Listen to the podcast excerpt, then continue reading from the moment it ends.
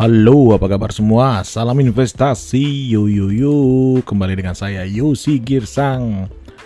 Nah, saya selalu senang dan sangat excited untuk uh, mengikuti uh, update-update dari seorang tokoh uh, di dunia investasi yang juga sangat menginspirasi saya dengan tidak hanya dari keberhasilannya dalam investasi, tapi juga dari gaya hidupnya yang menurut saya justru itu menjadi basic atau dasar sebelum kita terjun ke dunia investasi ya. Tokoh ini tentu anda sering dengar Warren Buffett di mana dia tidak berinvestasi untuk uh, dirinya sendiri tapi dia juga melakukan yang namanya filantropi. Jadi dia juga melakukan donasi dari kekayaan yang dimiliki dalam jumlah yang tidak sedikit. Dan kalau untuk mengukur besarnya uh, kekayaan Warren Buffett, saya pikir tinggal Anda searching di Google. Uh, estimasi terakhir mungkin sekitar 80 miliar dolar Amerika Serikat. Ya. Mungkin dengan 14.000 sekarang itu di atas 1000 triliun ya. Besar sekali. Nah, yang menjadi menarik adalah kenapa sih uh, Warren Buffett ini uh, selalu saya amati gitu ya. Bahkan laporan keuangan di kuartal ketiga dari perusahaan investasinya Berkshire Hathaway itu juga saya coba baca dan saya coba pahami yang mana saya menemukan beberapa hal yang menurut saya menarik melihat pada uh, posisi cash yang dimiliki dari Warren Buffett.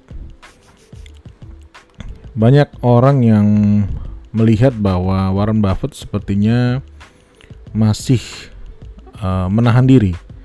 Jadi dia masih menumpuk uh, cash yang cukup besar. Uh, status di laporan kuartal ketiga 2020 sampai September masih memiliki cash sebesar 26 miliar dolar Amerika Serikat dan dalam bentuk treasury bills, US treasury, treasury bills itu semacam surat utang dari pemerintah Amerika Serikat itu angkanya bahkan mencapai 118 miliar.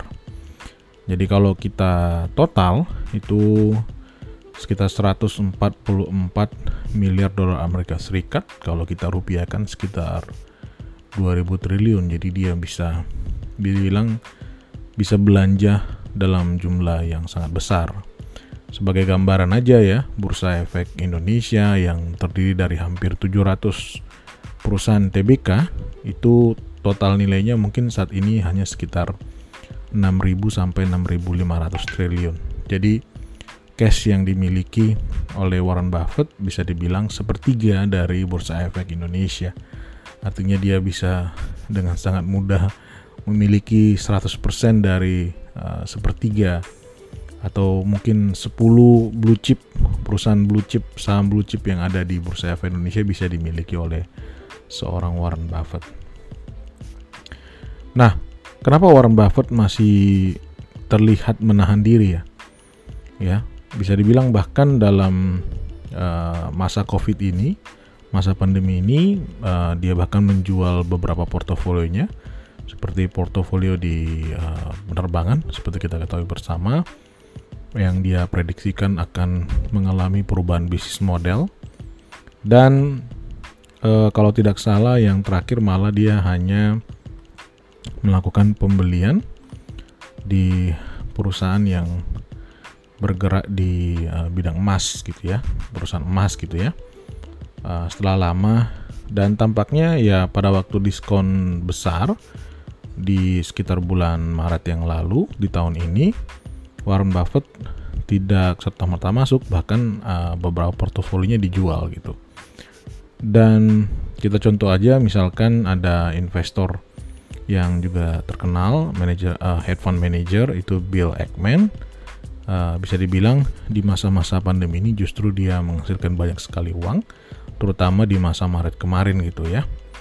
Dan tapi sama Bill Ackman juga uh, memberikan sounding yang uh, memperingatkan bahwa kemungkinan uh, kondisi pasar ini masih akan ada kemungkinan mengalami penurunan lagi di beberapa uh, masa ke depan gitu.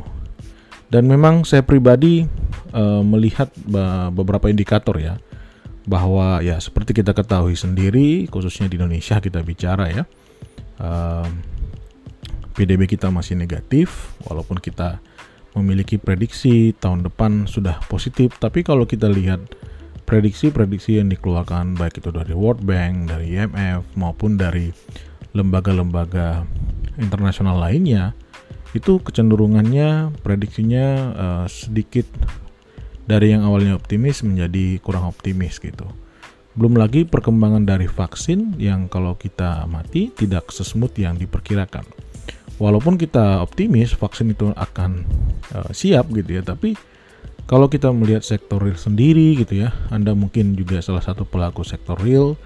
Saya banyak juga berdiskusi dengan rekan-rekan saya yang terjun langsung ke sektor real baik itu dalam skala yang uh, kecil, menengah gitu ya. Kebetulan saya pun sekarang uh, involved di perusahaan media itu kalau kita diskusi dengan calon-calon klien yang akan beriklan dengan kita, bisa dibilang ya hampir semuanya menahan diri gitu. Bahkan kemarin ya data dari uh, dirut dari Bank BRI itu menyatakan bahwa ada 1.200 triliun uang masyarakat yang ngendon yang uh, disimpan dalam bentuk deposito karena orang masih khawatir bahwa orang tidak mengambil kredit atau orang tidak mengkonsumsi uh, seperti yang terjadi di 2019 atau sebelum pandemi gitu. Jadi memang kalau kita melihat dalam sebulan terakhir ya itu uh, bursa efek Indonesia bahkan bursa-bursa efek yang pasar saham lainnya di dunia memang mengalami kenaikan signifikan gitu. Tapi entah kenapa ini terasa seperti kenaikannya sangat cepat gitu. Dan biasanya sih ya eh, kenaikan yang cepat akan diikuti lagi dengan penurunan yang cepat gitu. Jadi kalau bisa dibilang makroekonomi ya belum sembuh gitu. Banyak analisa-analisa yang mengatakan bahwa terjadi abnormal ketika ekonomi belum uh, pulih sepenuhnya ya uh, kok malah pasar saham sudah naik cukup signifikan walaupun belum kembali ya ke level 6500 untuk IHSG gitu. Tapi setidaknya kenaikan IHSG dalam sebulan terakhir itu sudah 11%. Ada apa sebenarnya gitu. Nah, di sini saya mungkin uh, yang bisa saya berikan ini menyambung kepada podcast saya di uh, nomor 89 ya gitu bahwa uh, kita sebaiknya jangan terlalu confident. Saya pribadi melihat bahwa beberapa saham itu ketika laba bersihnya sudah turun ya, walaupun masih mencetak laba, tapi laba bersihnya turun ya, beberapa indikator masih oke, okay, bagus gitu ya. Kita harus tetap hati-hati bahwa memang kalau uh, harga dibandingkan value-nya sudah mahal, itu jangan ragu untuk menurut saya dijual dahulu ya. Ini pendapat saya, opini saya gitu. Karena apa? Karena sebenarnya makroekonomi itu belum pulih sesungguhnya gitu. Jadi eh, potensi nanti eh, poin saya adalah ketika sekarang naik tinggi dan itu sudah over value, tidak ada salahnya sih menurut saya kita mempertimbangkan untuk menjual sebagian atau bahkan mungkin menjual katakan 70% atau 80% nya. Untuk apa? Untuk uh, potensi bisa jadi akan ada penurunan di tahun berikut ini di 2021 gitu. Bahkan ya nggak bisa dipungkiri bisa jadi bahwa kenaikan ini pun selain karena optimisme kemarin uh, kemenangan dari Joe Biden gitu ya, tapi juga ada hal-hal lain yang hubungannya dengan uh, kinerja dari para fund manager itu hubungannya dengan Windows pricing di akhir tahun. Nah jadi menurut saya kita jangan terlalu confidence ya uh, selamat untuk Anda mungkin dalam jangka waktu tahun ini sudah mencetak keuntungan di atas 20% bahkan sampai 60% gitu ya. Nah, itu adalah satu hal yang baik gitu tapi jangan juga terlena, tetap kita lakukan analisa. Kalau memang sudah mahal, ada baiknya kita lepas karena kita tetap punya pegangan dari sisi uh, valuasi dari perusahaan. Bagaimana kalau yang belum naik ya atau belum uh, masih tergolong mula itu saya pikir ya masih bisa di hold bahkan mungkin kalau memang fundamentalnya semuanya oke okay, dia hanya terpengaruh di masa pandemi Anda melihat itu adalah sesuatu yang uh, bagus untuk dipegang di 2-3 tahun ke depan nggak ada nggak ada salahnya untuk diakumulasi gitu. Tapi tetap sih di masa-masa seperti ini uh, menurut saya untuk meminimalkan risiko ya setiap di kelas-kelas saya selalu bilang bahwa ya mungkin fokus dulu di sektor yang perbankan maupun sektor barang konsumsi ya mungkin telekomunikasi juga oke okay. yang di masa pandemi seperti ini justru uh, masih lebih bisa bertahan mencetak uh, penjualan maupun laba dibandingkan dengan sektor yang lain gitu nah jadi uh, mungkin itu yang bisa kita pelajari dari kondisi Warren Buffett uh, kalau kita ulik lagi di laporan keuangan Berkshire Hathaway di kuartal ketiga 2020 itu uh, investasi yang dilakukan oleh Warren Buffett di saham di saham-saham perusahaan yang dia beli itu sebesar 245 uh, eh, miliar dolar Amerika Serikat. Jadi dibandingkan tadi cashnya 144 ya perbandingannya satu banding dua gitu ya. Dan kalau kita bandingkan dengan total aset sih sebenarnya cash yang dimiliki Warren Buffett ini yang 144 miliar dolar tadi itu dibandingkan dengan 829 miliar dolar yaitu cuma sekitar 17% sih ya. Tapi ya angka itu masih jumbo karena ini bicara angka 2000 triliun gitu.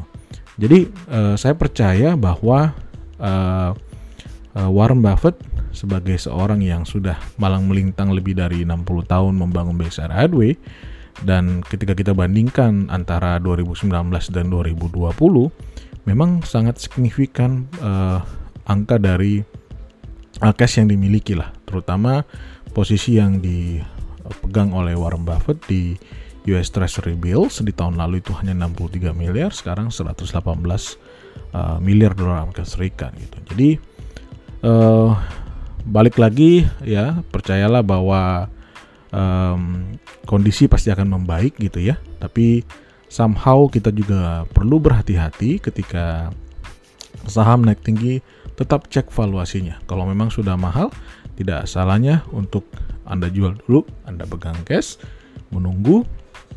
Bisa jadi itu akan memperoleh kesempatan lagi atau mungkin Anda bisa melihat saham lain yang masih under value, yang masih terdiskon. Nah, itu dulu yang bisa saya share. Uh, tetap ingat uh, filosofi atau uh, quote dari Warren Buffett yang mengatakan be fearful when others are greedy and greedy when others are fearful. Ya, menjadilah tamaklah ketika yang lain ketakutan dan takutlah ketika yang lain menjadi tamak. Terima kasih sudah mendengarkan podcast saya. Salam investasi. Yo yo yo.